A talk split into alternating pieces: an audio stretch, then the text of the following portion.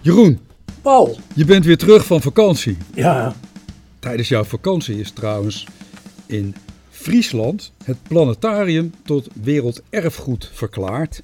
Had je dat meegekregen? ja, ja. Ja, ik vraag dat, ik zeg dat omdat jij pas een boek over Friesland hebt geschreven. Ja, ja. De trots van Franeker en eh wijde omgeving. En, en terecht. Ja, Friesland die heeft wel wat met eh, hogere sferen. Hè? Ik las vanochtend in de krant dat er het meeste cannabisrestproducten in het water zat van heel Nederland. Dus het cannabisgebruik is in Leeuwarden het hoogst van heel Nederland. En ook de cocaïne wordt daar flink gesnoven. Dus ja, Friesland heeft wat met hogere sferen nog steeds. Ja, Daar past het planetarium natuurlijk wel goed bij. Hè? zeker. Het, eh, het, staat in de sterren geschreven. ja, precies. Dat, dat verwacht je toch niet van zo'n zo'n nette provincie, of wel? Nou, net. Ze zijn eh, heel eigenzinnig. En ze zijn eh, heel dwars. Al is dat heftige Friese nationalisme eh, er wel enigszins af. Eh, ze hebben zich, ook omdat er heel veel Europees geld naar het noorden is gehaald, nog in de periode dat Hans Wiegel daar commissaris van de Koningin was, zijn ze een, Nederlandser geworden. Maar nog altijd lekker dwars. En eh, lekker high. Al weet ik niet eens wat het Friese woord is voor high. Nee, ik ook niet. In ieder geval, ze zijn dwars. En ehm, nou ja, het is een mooie ontwikkeling. Ehm andere ontwikkeling is natuurlijk ehm, ja, wel, het, nieuws van begin deze week. De spreidingswet, waar zoveel over te doen is, eh, lijkt erdoor. Althans in de Tweede Kamer. Mhm. En dat is misschien het begin van de gewenste spreiding. Want in Utrecht eh, bijvoorbeeld is al wel gebleken eh, dat de opvang tekortschiet. Eh heeft burgemeester Sharon Dijksma tot haar leedwezen moeten melden. Het is kortom gewoon feitelijk heel urgent dat het gebeurt. En eh, het is ook nog onder instigatie van de SP, eh, die eh, mee wilden op voorwaarde dat ook rijke gemeenten zouden worden betrokken in die spreiding. Ja, dat er ook de draagvlak zou eh, meewegen in hoeveel er nodig zou zijn aan opvang. Nou ja, dat, dat wordt nog leuk voor eh, gemeenten als Bloemendaal en Wassenaar. Hè? Waar toch Ja. de rijksten van, de rijksten van het Wageland wonen. Je moet er flink gaan bouwen. Eh, de wet moet natuurlijk nog door de Eerste Kamer. En dan hebben we andere meerderheden. En lost het echt wat op? Dat is nog maar helemaal de vraag. Want ook in, in de provinciesteden, in de dorpen, is niet altijd huisvesting beschikbaar. Maar daar zijn vaak ook niet goede medische voorzieningen. Daar zijn eh, geen, geen genoeg docenten. Het is nog eh, helemaal de vraag of we het allemaal goed voor elkaar krijgen op korte termijn. Nou ja, Iets wat wel moet gebeuren Nou ja, overigens. op- want, eh, zoals het nu gaat is het niet in orde. nee, maar wel urgent. En als het dan op, op politiek niveau naar een spreiding lijkt te gaan, zul je, gelet op wat je zegt, ook dorpen, ehm, bepaalde bevolkingen eh, wel weer ehm, in het geweer komen, gaan protesteren. En, Nou, dat weet ik niet. Ik, ik zie ook heel veel eh, goodwill in de dorpen. Als je kijkt naar, eh, naar taalmaatjes, hè, mensen die mensen helpen, mensen die, die die spullen brengen, het is nog steeds zo. Eh, waar ik woon, daar zijn ook de nodige mensen uit het buitenland gekomen. Inreizigers, hè? ja, die worden nog steeds met open armen ontvangen hoor. ja, ja. Alleen, het is de vraag, zijn die woningen er? Ja. Zijn de voorzieningen er? Het geeft natuurlijk heel veel druk op dit moment. Het is een capaciteitsprobleem naast, Ja. naast, eh, En dat geldt in heel Nederland. naast de sferen. Nou, ja, ik Ja. heb, kan daar niet goed over oordelen, maar ik neem toch aan dat ze op ambtelijk niveau, eh, op gemeentelijk niveau, eh, toch wel ehm, dat in kaart hebben. En Nou, dat, dat is natuurlijk maar de vraag. Want die oorlog in Oekraïne was niet verwacht door de meesten, daar is niet op geanticipeerd. En zelfs als je het in kaart hebt, en we zien nu bijvoorbeeld de onrust in heel veel gebieden in Europa nemen toe, dan wil het nog niet zeggen dat je de faciliteit op korte termijn kunt realiseren. Er zijn niet zomaar eh, extra schoolgebouwen, er zijn niet zomaar extra leraren, er zijn niet zomaar extra dokters. Er is niet zomaar extra huisvesting. Het is een enorme taak. En dat is een, uh, een lastige taak. Voldoende te doen dus in, op allerlei niveaus. De gemeenten, uh, ook Den Haag. Den Haag wat op dit moment vooral ook uh, verwikkeld is in het begin van de verkiezingen, aanstaande verkiezingen. En ja, wat ik dan nog wel heb meegekregen, wat ik nu dan weer in het vaderland terug uh, zie, uh, is dat er problemen zijn in partijen, 50 plus, uh, de dieren. Ja, ja, lachen. De, daar moest een potentiële lijsttrekker door de politie het gebouw worden uitgezet. Ja. Wat een geweldige partij, 50 plus. Maar ja, het is wel dan een partij van krasse oudjes. Ja, Alleen uh, je, vraagt je, af, uh, je vraagt je af hoe wijs de, de ouderdom is. En de voorzitter, de voormalige voorzitter van Feyenoord, Jorien van der Herik, ja. is uh, natuurlijk eh, ook geen brave man. Nou ja, zie je maar dat 50 plus in, in, in ieder geval niet de wijsheid in pacht heeft. Net zoals de Partij voor de Dieren. Hè? Eh, Esther, Esther Ouwehand uh, speelt het machtsspel. Wat zou er gebeuren deze week? Want binnenkort uh, zal toch die kandidaatstelling helder moeten zijn. En uh, daar kan ze niet te lang meer mee wachten. Ik denk dat ze er wel op speculeert dat ze deze week uitsluitsel krijgt. En dat er vanuit het bestuur een duidelijk signaal gaat komen. Ja, ze zijn in ieder geval verdeeld. Terwijl Ouwehand, terwijl Ouwehand toch wel de uh, meest uh, passende kandidaat uh, lijkt te zijn.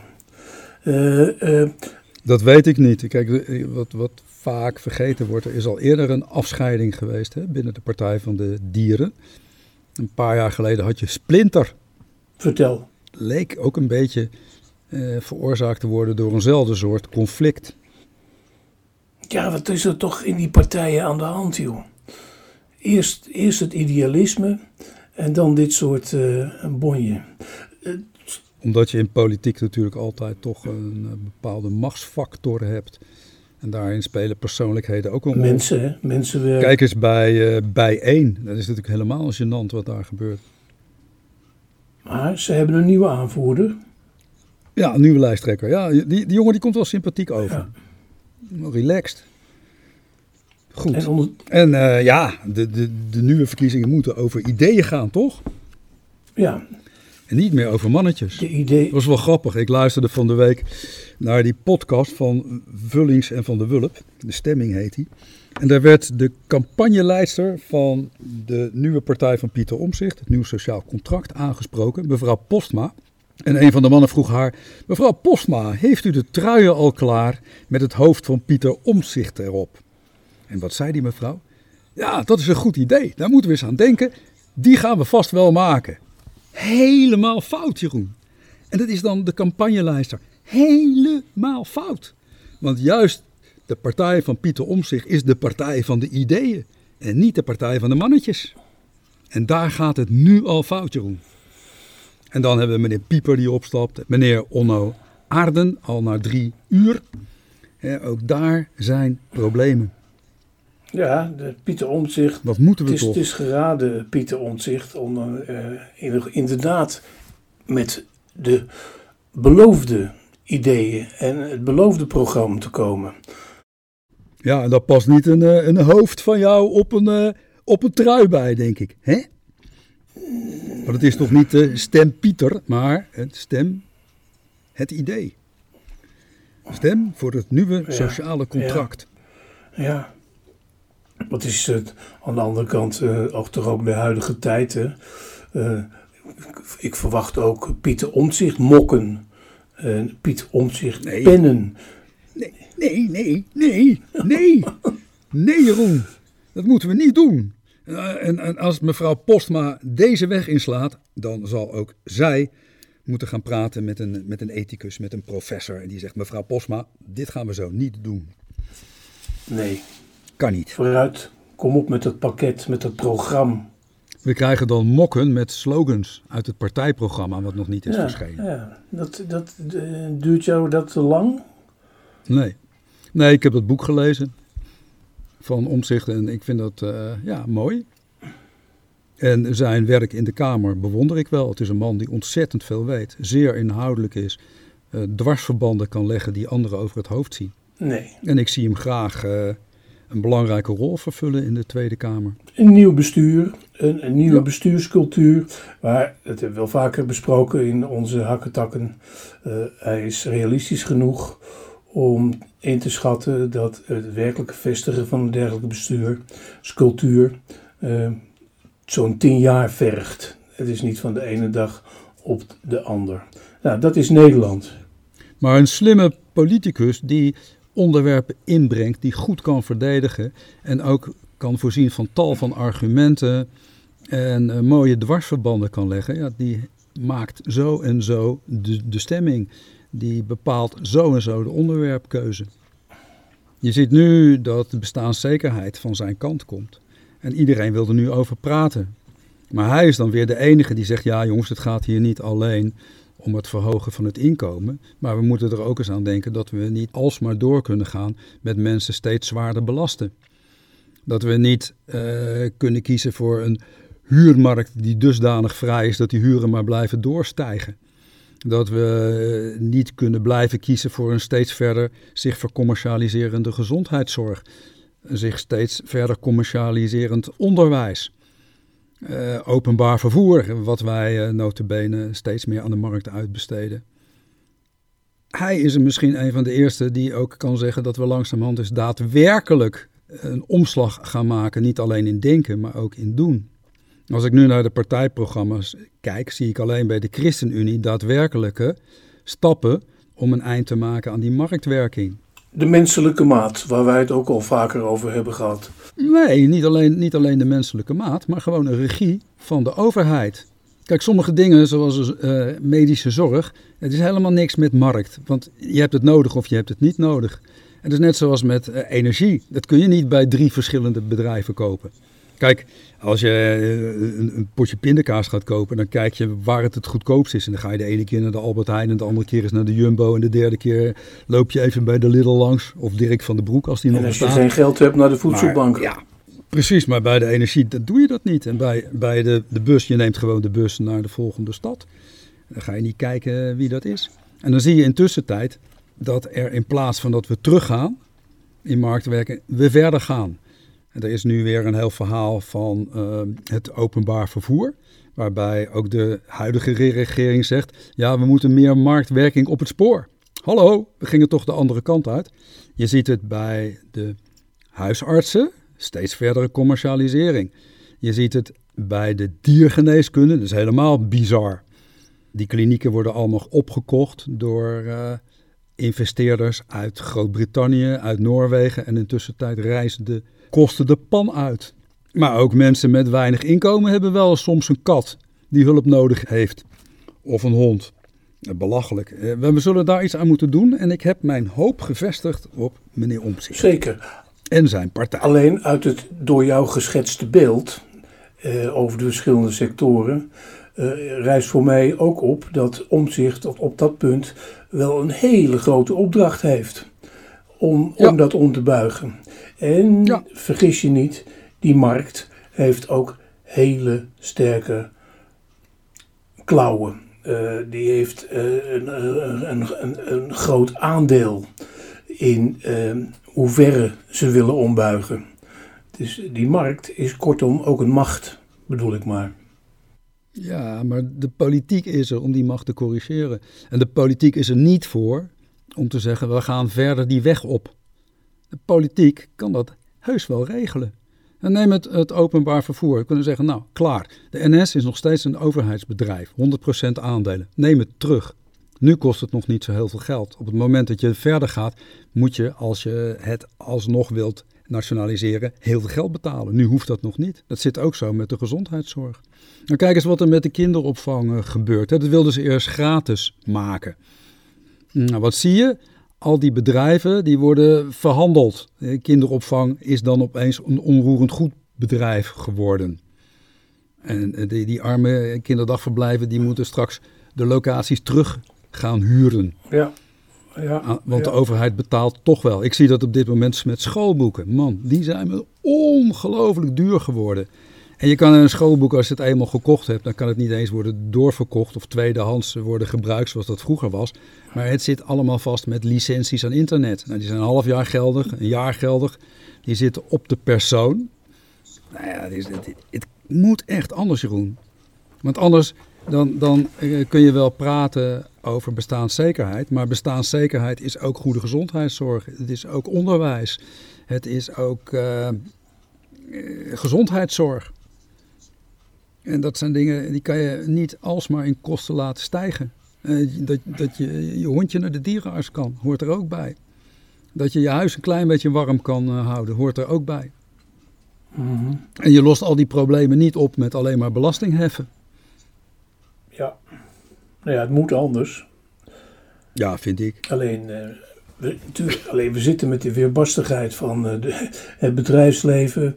Al die, al die grote eh, partijen die, zo- zoals jij zegt, de dierenartsenpraktijken Maar opkopen. het hoeft niet. Het gebeurt nu. Als je, als je, kijk, over eh, drie, vier jaar ben je te laat. Dan, als je dan zegt, we willen dat weer onder overheidstoezicht brengen of beschouwen als een, iets van, van, de, van de openbare ruimte. Hè, eh, merit good is een, is een woord wat in liberale kringen dan wordt gebruikt. Het is van ons allemaal. Nou, dan moet je ze allemaal terugkopen. Als je drie jaar geleden had gezegd dat willen we niet, ook voor de huisartsenpraktijken, dan had het helemaal niet ge- gehoeven. Dan is gewoon een een wetje klaar.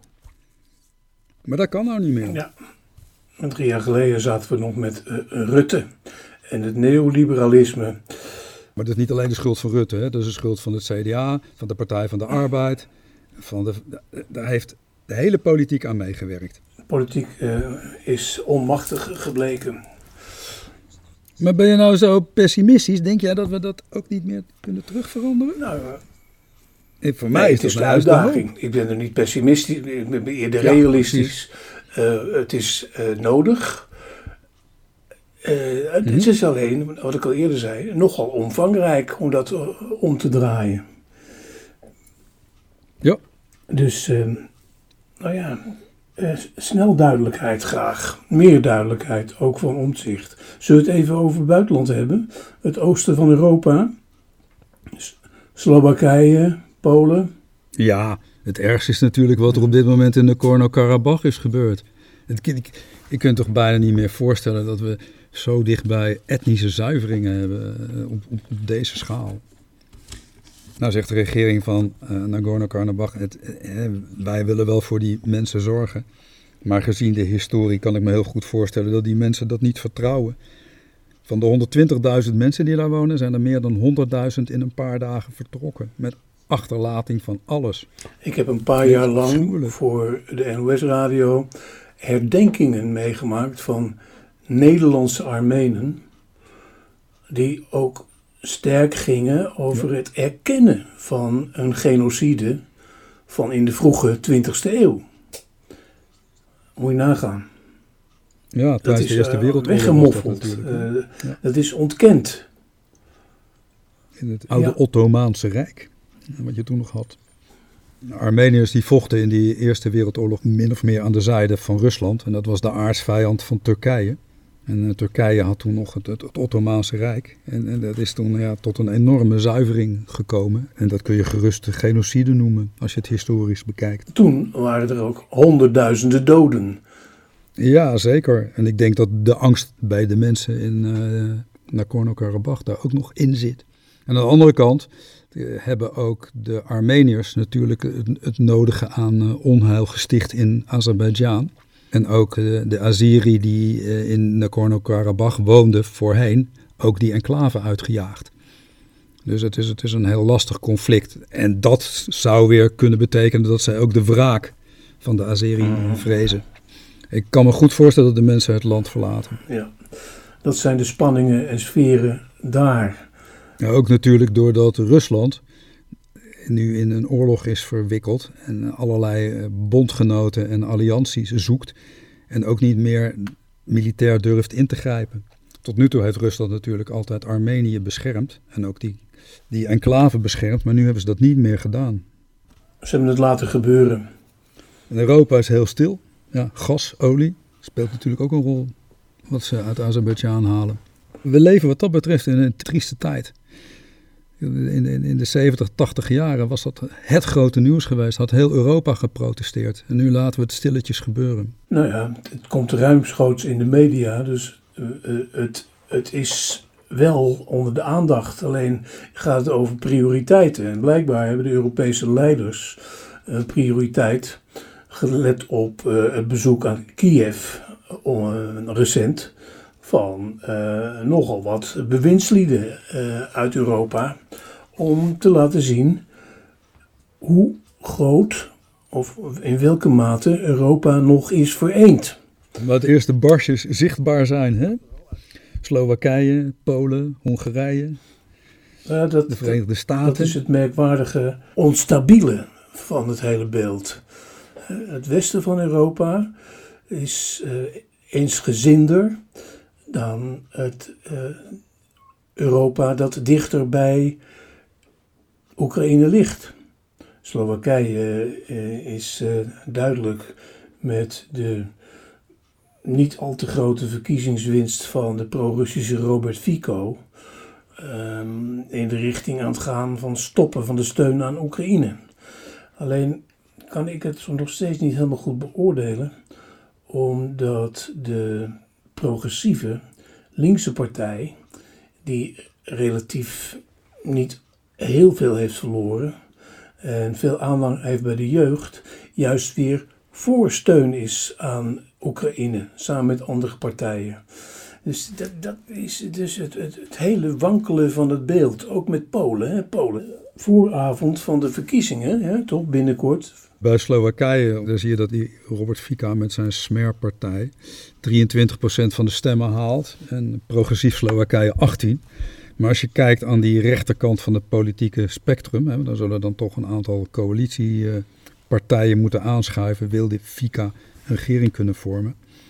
Dan uh, vind je daar meer partijen die aan die rechterkant staan. Dus het is toch wel een, uh, de gedachte dat Fica een regering zou kunnen gaan vormen. En dan zouden ze eventueel zelfs steun kunnen krijgen van een uh, echte extreemrechtse partij. Het wat mij zo verbaast, dat die Robert Fica een aantal jaar geleden met, met grote protestdemonstraties eigenlijk min of meer is weggejaagd door de bevolking. Na de moord op een journalist die nadrukkelijk onderzoek had gedaan van de banden met uh, de mensen, zakenmensen in de omgeving van de regering. Corruptie. Ja, corruptie, corruptie met EU-gelden en uh, banden met de Italiaanse maffia. Hij is toen eigenlijk weggejaagd. En nu wordt hij weer in genade aangenomen en is hij de grootste partij van Slowakije geworden. Met uh, slogans als uh, wie pro-Oekraïne is, is anti-Slowakije. En het geld wat naar Oekraïne gaat, is het geld wat we afpakken van de gewone burgerij in Slowakije. Ja, dat is afschuwelijk. Hè? De euroceptische opstelling, ja, de, de, bekende opstelling in, in, in, dat soort kringen tegen de LHBTQI-beweging. Ja, het, is, het is een land wat, wat ook gebukt gaat onder, onder het nepnieuws en de, het complotdenken. Het is wel zorgelijk, want we hebben Hongarije al, we hebben Polen al. Slowakije sluit zich daarbij aan en hoe gaat dat verder? Nou ja, Polen vond ik in ieder geval bemoedigend dat er toch rond een miljoen mensen de straat op gingen in Warschau. Uh, ja, zeker. Niet weg te poetsen hoeveelheid.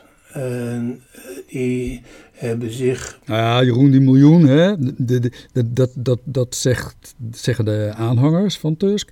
De regering zegt dat het waren er ongeveer 100.000. En de, en de politie houdt het ergens in het midden. Maar een miljoen is uh, zeer te betwijfelen. Er waren in ieder geval uh, genoeg mensen op de been die demonstreerden in het belang van hun kinderen, hun kleinkinderen en ook in het belang van de LHBTI-gemeenschap. Uh, uh, in ieder geval in de goede geest, zou ik maar zeggen. Maar intussen tijd ligt de, de, de PiS-partij ligt nog voor in alle peilingen. Ah. Het, is over twee weken, 15 oktober. Ik vind het hele spannende verkiezingen. En wat je nu ziet, toch wel griezelig, ook die uh, verkiezingsretoriek van rechts. Vandaag ook uitvallen naar Duitsland. Uh, dat, dat men daar tegen de bevolking zegt, we moeten ervoor zorgen dat de banden tussen Oekraïne en Duitsland niet te groot worden. Want we kunnen Duitsland niet vertrouwen. En Duitsland zal via het oosten, via Oost-Europa, proberen toch opnieuw banden met Rusland te, te smeden. Ja, dat is toch wel retoriek, resentiment uit de Tweede Wereldoorlog. En ik vind dat toch wel griezelig om te horen in de EU van dit ja, moment. Past toch ook weer in uh, de hele desinformatiestromen, in uh, het bespelen van sentimenten, heb ik het idee. Hè? Nationaal, dat nationalisme. Ja, ik denk dat Rusland op dit moment er alles aan doet, uh, en alles aan doet om destabiliseren in, in ja, Europa. Denk, en dat nepnieuws daarbij een grote rol speelt. Dat is uh, een, een, steeds weer terugkerend uh, wapen. Ja. alleen zijn er nog blijkbaar in Polen weldenkende mensen genoeg om daarvoor de straat op te gaan. En ja, vanuit het Westen is de bereidwilligheid groot om een soort van deels westelijke eensgezindheid tentoon te spreiden en dat in Kiev te, fysiek ook te beleiden. Alleen mm -hmm. is uh, de grootste steun aan wapens toch afkomstig uit de Verenigde Staten. Omdat Europa zelf mm -hmm. daarin tekortschiet. En zo... Ja, we hebben ze niet. Europa heeft geen wapens. We hadden dachten toch echt dat we geen oorlog meer zouden krijgen in Europa. We hebben toch echt gedacht dat we al die wapens niet meer nodig hadden schermend onder de nucleaire paraplu en, en, en, de steun uit de Verenigde Staten. Nu zie je wel dat het toch wel wat griezeliger wordt. En daarom is als, als Europa verder verdeeld raakt, dat zou natuurlijk een ramp zijn. En anti-Duitse retoriek uit Polen is wel het laatste wat we kunnen gebruiken, lijkt mij. Uh, kunnen we niet gebruiken. Alleen is het, uh, nou ja, maar, de vraag in hoeverre dat uh, de overhand heeft. Of uh, Polen wat dat betreft zeggingskracht heeft. Of Europa, vooral de Frankrijk, Duitsland, dat soort toch grote naties niet sterker staan dan een aantal griezels in Polen.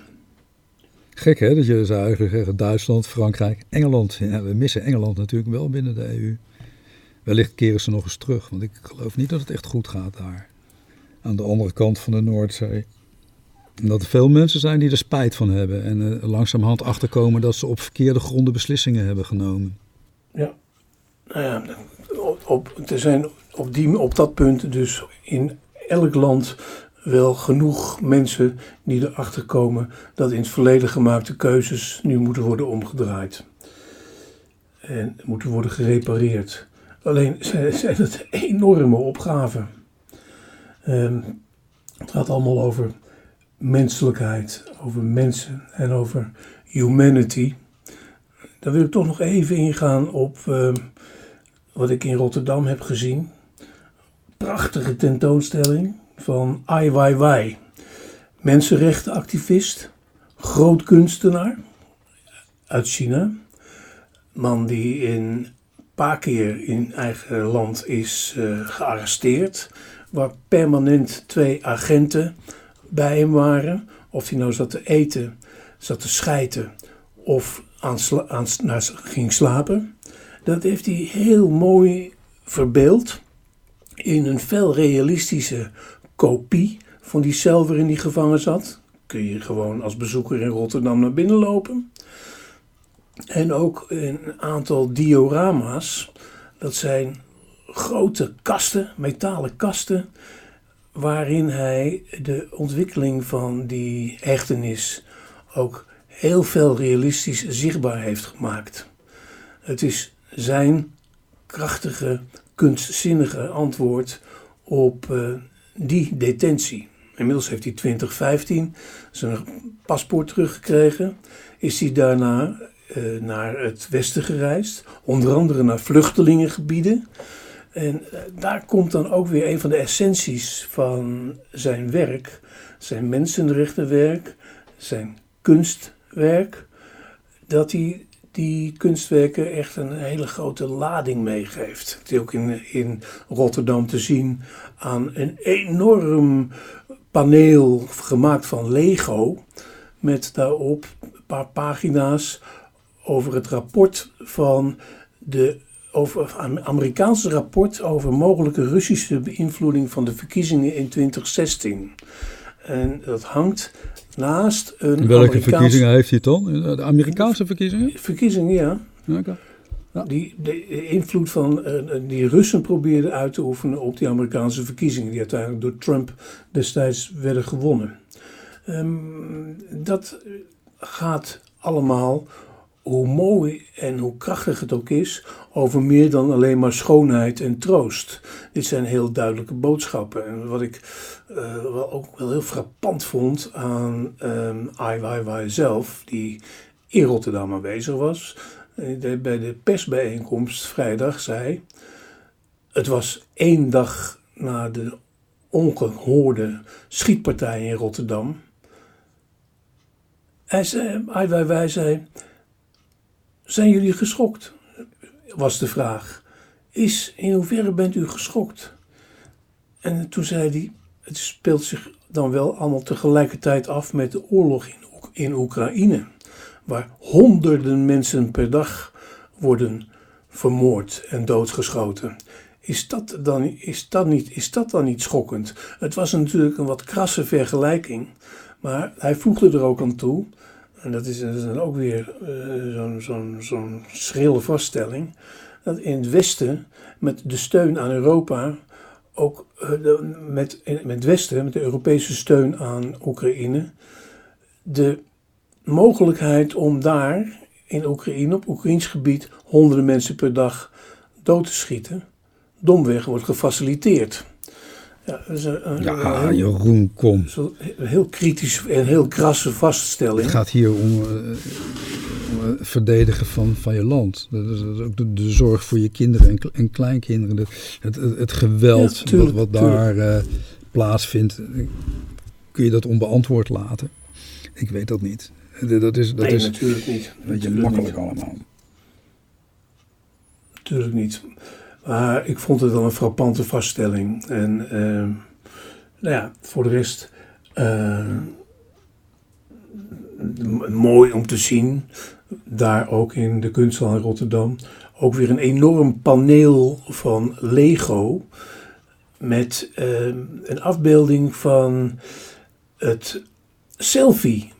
Een selfie shot wat Ai nog kon maken na zijn arrestatie. En vlak voordat die telefoon werd ingepikt door de agenten, ook nog online heeft gezet.